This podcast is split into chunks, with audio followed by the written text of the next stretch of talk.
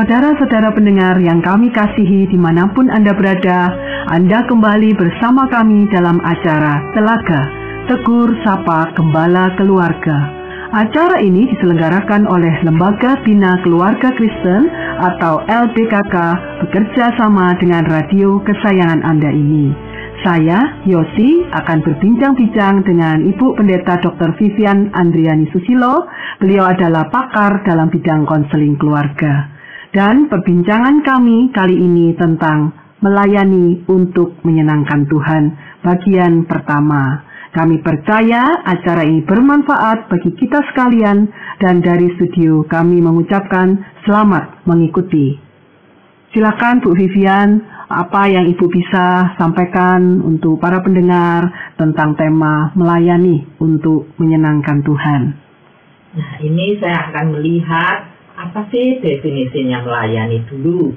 Ada orang melihat melayani itu adalah sebagai sesuatu yang menyenangkan Tuhan untuk Tuhan, tapi ada orang adalah untuk orang lain supaya bisa dilihat. Ya. Ada orang juga melayani karena motif-motif yang berlain-lainan. Jadi kita mau melihat apa sih melayani itu dulu. Mm -hmm. Kita melayani ini dia secara umum yang saya bisa melihat ada orang yang melayani ini secara penuh waktu. Yeah. Jadi full time nggak mengerjakan yang lain-lain tapi ada juga orang yang melayani dengan apa waktu yang ada. Hmm, seperti part time begitu ya Bu. Nah, hmm. Jadi mereka juga bisa melayani juga bukan hanya di bidang spiritual rohani, hmm. tapi juga bisa melayani di dalam bidang di tempat mereka bekerja, ya. ataupun juga tapi melayani Tuhan di sana. Hmm. Uh, dengan kata lain, melayani tidak selalu harus di gereja, tetapi nah, bisa di marketplace masing-masing ya Bu, yang Tuhan tempatkan kita. Ya. Jadi kalau pelayanan full time itu pun bisa dilihat ini motifnya apa. Ada orang yang melayani full time itu karena sudah daftar sekolah karena sini kok nggak diterima semua. Gitu ya Bu. Jadi itu sekolah pendeta situ aja gitu. Ada orang juga cari pekerjaan karena sini nggak dapat oh sudahlah jadi pendeta aja. Biasanya diterima gampang ya Bu ya kalau ya, jadi pendeta ya. Itu ya ada ya. Ada ya, sekolah ya. memang yang menerima gampang. Nah, sekolah pendeta pun ini di screening. Ya. Itu kalau kita melihat melayani itu jadi kalau semacam itu pelayanan Tuhan itu yang dibuat yang terakhir ini terakhir di sana sini nggak bisa baru Alternatif terakhir begitu ya Bu ya. Hmm. Jadi seharusnya melayani itu adalah alternatif yang pertama. Ya. Yang hmm. pertama apa yang terbaik kita berikan pada Tuhan. Nah, jadi itu yang kita melihat itu salah full time, tapi full time-nya dengan definisinya dengan dirinya sendiri. Hmm. Jadi apa yang menyenangkan dirinya sendiri, bukan apa yang Tuhan mau. Maksudnya ketika kita sepertinya melayani Tuhan full time di gereja, hmm. itu pun belum tentu untuk Tuhan begitu ya, ya Bu ya. Bisa jadi hanya untuk kepentingan diri kita sendiri. Ya, nah itu kita hmm. akan lihat nanti motif-motifnya nanti itu. Hmm, baik baik Bu. Jadi kalau begitu kita melihat pelayanan kalau part time pun ada orang yang di mana-mana dia berada itu dia menunjukkan dia mau sebagai terang dunia, garam dunia, jadi melayani Tuhan baik di rumah, baik di sekolah, baik pun di tempat pekerjaan, di mana saja ini melayani Tuhan.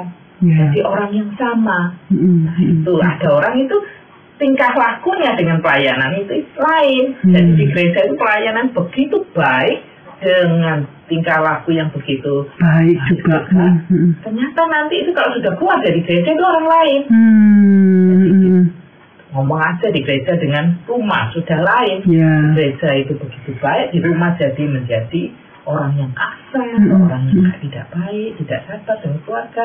Ada orang juga ini di gereja dengan begitu baik, tapi nanti di luar tingkah lakunya yang lain nanti keluar gereja langsung dia ini menipu orang kafir kita. Ya. Nah, nanti setelah itu dengan juga tingkah laku yang lain dia moralnya kehidupan hmm. moralnya nggak baik hmm. kita kelihatannya begitu wah ini orangnya sungguh-sungguh hmm. keluar eh ternyata moralnya nggak baik hmm. jadinya gitu dia di dalam pernikahan pun tidak suci hmm. di dalam ke kehidupannya juga nanti ini kalau di dalam gereja saya pernah ada orang gitu ke gereja nanti pulang langsung dia itu ngomong sama saya dia dengan jujur bu langsung saya pulang dari sini saya mau pergi ke kasino waktu hmm. nah, jadi bagi dia tidak apa Hmm. Jadi, Menarik ya Bu. Menurut sudut pandang konseling, apa sebetulnya yang terjadi Bu ketika terjadi dualisme pribadi hmm. yang di gereja dengan yang kehidupan sebenarnya mengapa bisa berbeda? Menganggap pelayanan untuk Hmm. Tuhan dan menganggap me- apa yang lakukan untuk Tuhan itu adalah salah satu bagian tapi bukan keseluruhan bagian kehidupan. Oh, oke. Hanya itu jadi makanya motifnya itu Hmm. nanti kita Hmm. akan melihat motifnya Hmm. itu apa. Hmm. Jadi itu ya ini gereja hanya salah satu Hmm. kebagian. Sebetulnya kalau kita sebagai orang Kristen diri kita ini apa adanya kita ini Hmm. di mana-mana ini melayani Tuhan Hmm. 100%. Ya, semuanya untuk Tuhan ya ya. Kalau cuma hanya salah satu bagian ya, Hmm. jadi bagian yang lain ini adalah Dikuasai diri sendiri ya Bu, Ya, kedagingan kita. dikuasai. Mm. Nah, boleh nggak Bu dijelaskan tentang apa dasar Alkitab, apa yang Tuhan Yesus mau di dalam kehidupan kita seharusnya sebagai murid-muridnya? Nah, kita ini harus melihat dasar Alkitabnya bagaimana. Kita akan melihat bahwa contohnya kita melayani itu adalah Tuhan Yesus Kristus sendiri. Kita sebagai orang Kristen mau melihat bagaimana sih Tuhan Yesus waktu datang ke dunia ini khususnya untuk melayani orang-orang yang dia kasihi. Nah, untuk kita semua. Nah, kita lihat Yesus datang ke dunia adalah untuk menjadi juru selamat dunia. Dan Tuhan Yesus itu adalah Allah yang memiliki seluruhnya itu di Alam semesta ya. semesta Mm, dan mm, di surga dia mempunyai semuanya tapi dia mau melayani dengan kata lain meninggalkan semua kemuliaan surga untuk kita semua.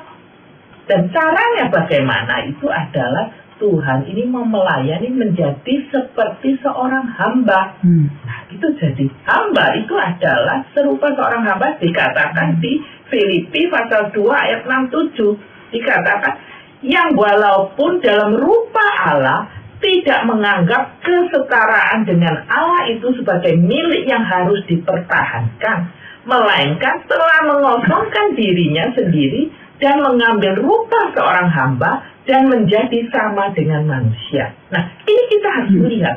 Pelayanan ini kita adalah melihat Yesus. Tuhan Yesus.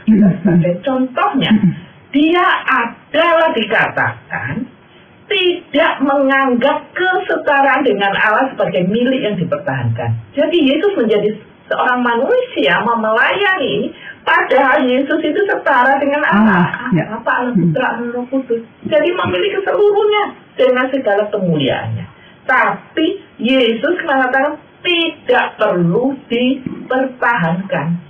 Dengan kata lain meninggalkan semuanya itu menjadi dikatakan mengosongkan dirinya. Jadi kosong, semuanya nggak ada.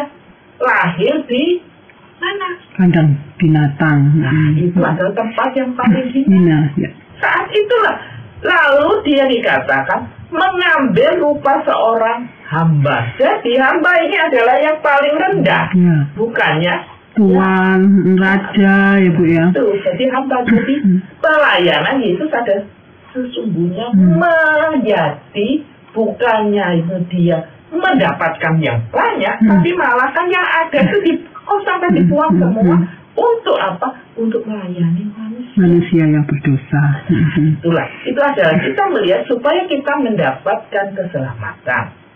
Yesus datang sebagai Juru selamat.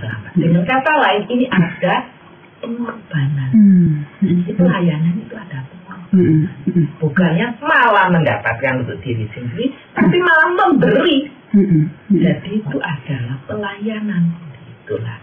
Selain itu kita melihat pada waktu Yesus melayani itu dikatakan bukan hanya memberi mengosongkan dirinya, dia ini juga dikatakan dengan mau merendahkan diri. Nah itu di Yohanes pasal 3, 14, 15 dikatakan Jadi jikalau aku Tuhan dan gurumu membasuh kakimu maka kamu pun wajib saling membasuh kakimu sebab aku telah memberikan suatu teladan kepada kamu supaya kamu juga berbuat sama seperti yang telah ku perbuat kepadamu dengan kata lain Tuhan Yesus memberikan contoh kepada kita semua kalau melayani itu harus dengan merendahkan diri. Hmm. Siapakah Tuhan Yesus? Tuhan Yesus adalah anak Allah yang dia juga bukan hanya anak Allah, dia itu Allah Allah, sendiri. sendiri, yaitu Allah Putra maksudnya. Hmm, hmm. Allah Putra dengan segala kemuliaannya mau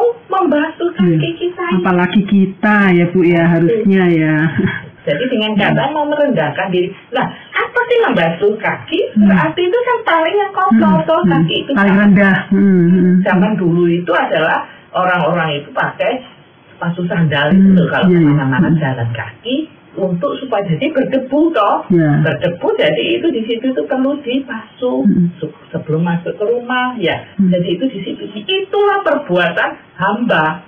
Nah itu Yesus mau melakukan itu dan makanya dia dikatakan Tuhan Yesus merendahkan diri. Jadi cara pelayanan Yesus ini menunjukkan merendahkan diri. Kalau Tuhan Yesus maka dikatakan di Yohanes tadi itu ayat 14 Hmm. 15, jika aku ini Tuhan Yesus mengatakan, aku ini adalah Tuhan Hmm. dan gurumu. Jadi yang mengajarkan kepadamu Ya. membasuh kakimu, maka kamu pun wajib. Hmm. Nah ini loh kata wajib. Wajib saling membasuh kakimu. Jadi dikatakan Tuhan Yesus mengingatkan kita kalau pelayanan salah Alkitabiah adalah wajib meneladani Tuhan Yesus dalam hal Rendahkan merendahkan hati. diri. Ya. Hmm. Nah, jadi Tuhan ada teladan kita ini melakukan. Hmm. Hmm. Jadi pelayanan pada Tuhan secara Alkitabiah adalah dengan mau merendahkan diri bukan ya dengan. Ya, benar. Yang lain kita melihat di Filipi pasal 2 ayat 8 dikatakan di sini dan dalam keadaan sebagai manusia ia telah merendahkan dirinya dan taat sampai mati bahkan sampai mati di kayu salib. Rasul Paulus mengatakan juga Yesus ini merendahkan diri dan Allah menjadi manusia. Dia merendahkan diri ini bukan hanya sesaat, Ya. bukan hanya satu dua hari Ya. waktu membasuhkan Ya. kaki, tapi Hmm. sampai Akhir hidupnya. Hmm. akhir hidupnya dengan kata lain Hmm. dengan taat dan setia melakukan sampai mati dan matinya itu adalah Ya. di kayu salib Hmm. dan dengan penderitaan dengan kata lain kita ini sebagai orang Kristen juga perlu melihat Yesus sebagai teladan kita bagaimana Tuhan Yesus melayani itu dengan ketaatan bukannya melayani aduh sebentar waktu hati senang pelayanan wah nanti ini aduh nanti ini saya kok kok kurang senang aduh saya terus nggak mau Iya. oh, oh ini aduh ini lagi ini ya naik turun nah Iya, berarti ini sekarang Up and down ya, Bu ya. ini Hmm. kalau lagi naik saya mau, Hmm. kalau lagi turun saya nggak mau. Ya. Jadi tergantung suasana hati, Hati, ya, ya, ya. tergantung keadaan Hmm. menyenangkan atau tidak. Kalau menghadapi salib ini Tuhan Yesus, bukannya malah dia ini meninggalkan, tapi taat terus Hmm. sampai selesai. Hmm. Kita di dunia ini jadi sampai akhir hayat. Hmm. Jadi bukannya hanya waktu kita ada waktu, tapi seluruh kehidupan kita. Bukannya waktu masa tertentu, Ya. tapi segala masa Hmm. berarti ada masa tenang, Ada masa susah pun harus melayani Tuhan ya, Bu. jadi ada masa juga kita ini adalah masa kita ini lagi excited Hmm. melakukan, Hmm. Hmm. nah, kita lakukan lakukan nanti kalau kecewa nggak Benar, tetap ya secara manusia kita bisa jenuh, bisa kecewa ya Bu ya. Hmm, hmm. Masa ini kita ini cocok dengan si A, Hmm. kita mau melayani. Eh ada si B itu saya nggak cocok lalu pergi. Iya. Lalu nggak mau melayani lagi. Hmm. Iya, iya. Saya melihat ada orang Benar, Kak. pelayanan lihat, oh Orangnya. lihat orangnya Hmm. ternyata di gereja kedatangan saya Hmm. di gereja kedatangan si A ini kok gak cocok ya Hmm. jadi nggak mau melayani lagi bukan hanya nggak mau melayani dia pergi Benar, pindah gereja. pindah gereja Iya, iya. bahkan Hmm. ada yang nggak mau lagi jadi orang Iya, Kristen ah, ah, menyangkali iman begitu ya Bu ya. Hmm. jadi pelayanan tuh jadi harus terus hmm. taat sampai kita bertemu dengan Tuhan itu pelayanan seluruh kehidupan kita apa Amin. terjadi. Nah, itu dengan kata lain juga mau melayani dengan kesungguhan hati. Bagaimanapun juga saya lihat ada orang beberapa yang saya lihat dia itu waktu masih single, Hmm. wah Pelayanannya berapi-api gitu ya. wah segala macam Hmm. pelayan. Eh setelah menikah, ya kadang-kadang oh, sibuk. Iya, iya, ah, benar. Dan saya bahkan ada satu orang ini yang dulu ini saya bantu banyak Hmm. karena dia masalah ABC Iya, saya bantu betul. semua akhirnya teratasi semua Hmm. dia sama juga setelah menikah melayani sudah kurang nanti sudah ada anak Tambah hilang. terus hidupnya waktu susah itu Hmm. sibuk dan apa pun juga mau melayani gereja Hmm. tapi hidupnya membaik Malah meninggalkan pelayanan. Mening- bukan hanya meninggalkan pelayanan tidak mau ke gereja sama sekali dan katakan sekarang saya kalau hari Minggu itu perlu dengan family Family time. Padahal sudah diberkati Tuhan, malah begitu ya Bu ya. Itu Hmm. berarti pelayanannya itu baik. Hmm. Hmm. Jadi malah dia sekarang saya pernah bicara loh, Hmm. aku dulu ini loh, ingat Rajin. Hmm. Tuhan memberkati Hmm. kamu sampai akhirnya seperti ini. Lihat itu masa Ya. dahulu seperti apa. Hmm. Begitu susah dan akhirnya Hmm. melewati kita berjalan bersama-sama. Hmm. Akhirnya sampai kamu mendapatkan apa yang kamu inginkan. Hmm. Kok sekarang meninggalkan Tuhan? Hmm. Saya nggak ninggalkan kok, Bu. Saya ingat terus. Tetapi saya nggak ada waktu untuk Tuhan. Iya ya, manusia itu ternyata rumit gitu ya Bu ya. Maksudnya kadang lain di bibir, lain jadi, lain di perbuatan begitu ya. Iya. Oh, iya, Jadi iya. pelayanannya hilang. Iya, Bukan iya. hanya pelayanan hilang. Bahkan ke gereja aja nggak mau gitu ya. Mau. Hmm. Nah, memang Bu menarik sekali kalau Ibu tadi menjelaskan tentang pelayanan eh, seperti Tuhan Yesus itu sudah teladan yang sempurna ya, yang luar biasa yang kalau kita bisa melayani seperti Tuhan ya wow gitu. Tapi benar saya juga menjumpai dalam prakteknya itu begitu banyak orang yang eh, berkata begini, ah itu kan Tuhan, saya kan masih manusia gitu ya. Jangankan eh, merendahkan hati, menyapa aja kadang-kadang kalau lagi konflik bisa nggak mau gitu loh bu, sampai benar-benar ya akhirnya oh nggak mau pelayanan, keluar dan sebagainya. Apa nih bu yang terjadi dari sisi manusiawi kita? Jadi kita ini memangnya bukan Tuhan. Mm-mm, Tapi kita diberi kekuatan oleh Tuhan. mm-mm, mm-mm. Jadinya Tuhan yang memberi kekuatan. Kalau kita mempunyai hati yang ingin melayani, Tuhan memberi kekuatan. Jadi yang perlu kita melihat adalah ma- memandangkan pandangan Hmm. kita ini pada siapa. Oke. Jangan memandangkan pada manusia. Manusia tadi. ya, Semua ya. manusia ya kita nggak ada Iya betul, pasti ada cacat celahnya lah ya bu ya. Mm. Jadi pelayanan kita ini Hmm. untuk siapa? Mm-mm, mm-mm. Bukan untuk manusia. Mm-mm. Jadi untuk Tuhan, jadi pandangan kita pada Tuhan. Nah Hmm. itulah Yesus yang sudah melakukan untuk Oke. kita. Jadi pandangan Hmm. kita pandangan Tuhan. Dan itu yang nanti akan me- me- apa, menarik kita terus untuk seperti Yesus ya Bu ya, Ya. karena pandangan kita kita arahkan ke Tuhan Yesus sendiri. Oke. Tak Hmm. melihat situasi, Mm-mm. tak melihat Responnya orang. Melihat pada Tuhan. Mm-mm. Dengan kata lain ya kita perlu memperbaiki diri, Mm-mm. bukan katanya kita semaunya gue. Mm-mm. Orang punya saran ABC ya kita dilihat kalau memang bisa kita lakukan ya kita perbaiki diri. Kita kan nggak nggak semua sempurna. Betul. Nah, tapi bukannya lalu kita ini lalu melihat ah ini lalu kita kecewa ini itu terus nggak mau Betul, melakukan. betul. Mm. Hmm, Ya, Jadi betul. penting adalah fokusnya kita pelayanan untuk siapa. Karena memang banyak sekali orang yang pelayanan pun benar masih lihat orang. Jadi akhirnya kepahitan, kecewa. Awalnya aja kagum-kagum gitu ya. Wow hebat bergabung dengan sebuah gereja. Saya mau terlibat. Ini pasti eh, diberkati. Tapi kenyataannya setelah lewat manusia pasti punya kelemahan. Banyak yang kaget, kecewa. Nah lalu konflik dan bisa meninggalkan. Padahal ya itu harusnya kembali ke ke dasar firman Tuhan ya Bu ya. Iya. Hmm. Jadi ini kita perlu tadi saya katakan lagi juga Tuhan Yesus juga menghendaki kita saling melayani. Jadi manusia ini kita nggak bisa hidup sendiri. Ya. Kita ada Tuhan, tapi kita butuh sesama yang saling bisa menguatkan Hmm. dalam Hmm. perjalanan Hmm. di dunia ini. Jadi itu pelayanan sama satu dengan lainnya. Tapi bagaimana Bu dengan beberapa orang yang terlanjur sakit hati? Saya perhatikan ada yang menutup diri Bu, Hmm. seakan menarik diri gitu eh, dari komunitas, dari gereja, sehingga kita mau melayani mereka seperti ada tembok gitu Bu. Hmm.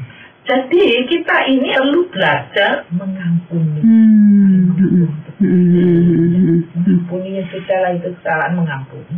Tapi memang kita nggak bisa bekerja sama dengan semua orang. Nah itu lain. Oh begitu ya Bu. Ya, Hmm. karena ada orang yang memang pelayanan itu motifnya nanti kita akan lihat. Di bagian Motif- kedua ya Bu. Iya, Hmm. motifnya kalau lain-lain nggak Hmm. cocok. Motifnya Hmm. bukan. Hmm. Seandainya nanti kita melihat itu adalah motif karena keuangan, Hmm. motif karena untuk membesarkan diri. Nah Hmm. itu berarti kan nggak bisa gabung. Hmm. gitu. Jadi kita melihat, jadi orang ini adalah untuk mengeruk Hmm. wah harta Hmm. Hmm. Hmm. nggak bisa. Hmm. Hmm. Seperti itu. Jadi. Hmm. kita mengampuni orang yang bersalah. Tapi berarti bukannya berarti kita ini mau bergabung dengan sebagai orang yang gak benar oke, ya, ya, Nah, ya. pelayanan pun kalau ini Hmm. orangnya nggak benar, Hmm. ajarannya nggak benar, Hmm. motifnya Iya, iya. nggak benar, ya jangan bergabung dengan orang itu, oke. Kita cari yang lain. Nah, di situ perlu hikmat juga ya, Bu ya, Iya. untuk membedakan, Betul. untuk mengambil keputusan. Ya, jadi Hmm. alirannya ini harus Hmm. janganlah ikut dengan ajaran-ajaran yang salah. Hmm, hmm, hmm, hmm, hmm. Jadi itu ada orang pelayanan yaitu tadi itu salah satu itu adalah successful Hmm. untuk hidup. Hmm, hmm. Wah, nah Hmm, hidupnya hmm, itu lebih hmm. enak tuh semisal nyaman hmm, hmm, hmm, betul hmm, hmm. apalagi natur manusia itu pasti egois ya bu ya Ya. Me- mencari apa kesenangan diri Padahal Tuhan Yesus Benar. adalah pelayanan itu merendahkan diri, Diri. bukan untuk kenyamanan betul tubuh. justru membuang kesenangannya kemuliaannya tadi yang ibu bilang ya Hmm, hmm, hmm. Jadi lebih banyak merendahkan diri untuk menaati perintah dari Allah. Ya benar Bahkan sampai dengan kayu salib itu adalah penderitaan. apakah boleh dikatakan dengan kata lain pelayanan itu juga bagian dari penyangkalan diri bu karena tadi secara manusia kita cenderung mau nyaman, mau enak, mau dimengerti orang gitu ya. Tapi Tuhan Yesus memberikan teladan yang merendahkan diri, mengosongkan diri.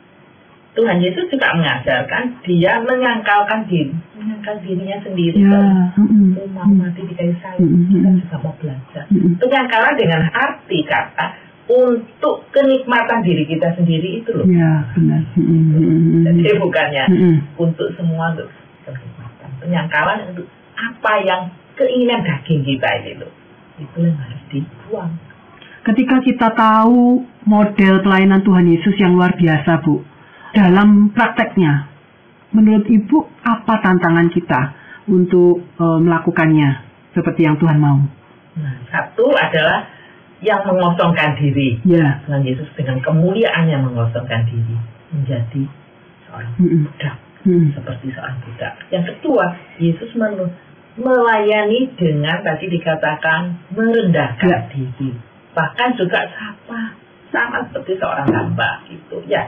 Lalu yang ketiga, Tuhan Yesus melayani ini adalah dengan ketaatan sampai mati. jadi kesetiaan. Mm-mm. Jadi tantangan kita sebagai manusia itu adalah berat memangnya. Hmm. Mengosongkan diri dengan kata lain, keinginan dirinya sendiri itu bukan diutamakan. Hmm.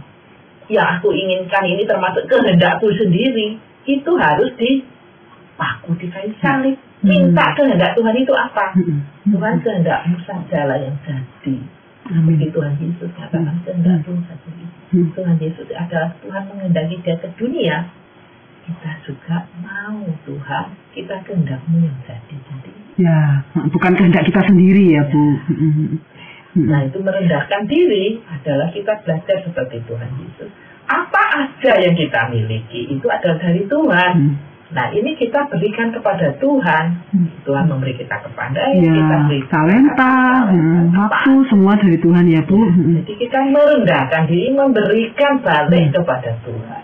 Mm-mm. Jadi merendahkan bukan dengan kesombongan, tapi Hmm. memberikan. Hmm. Hmm. Jadi tahu dari mana Ya. datangnya. Jadi merendahkan diri juga dengan kata lain, kita ini mau setia sampai mati Mati. seperti Tuhan Yesus. Itu dengan kata lain taat dan Lakukan. Bukan untuk diri sendiri. Mm-mm. Mm-mm. Dan juga ini setia ini adalah terus, jadi terus menerus. Tidak satu dua masa, tapi seluruh masa dalam hidup kita ya, Bu. Hmm, Jadi dari masa mulai dari kita ini kecil sampai remaja, sampai pemuda, sampai nanti Menikah, menikah, bekerja, benar, sampai sampai nanti ini kita sampai masa tua Ya. pun sampai kita ini nanti Hmm. menghadap Tuhan Mm-mm. Setia terus melayani Mm-mm. dengan kapasitas yang kita miliki. Mm-mm. Nah, kalau waktu sehat walafiat masih kekuatan yang masih Hmm. banyak, kitanya juga terus sampai sudah masa sudah tua itu bisa juga tetap melayani Mm. dengan kapasitas Ya. kapasitas yang ada.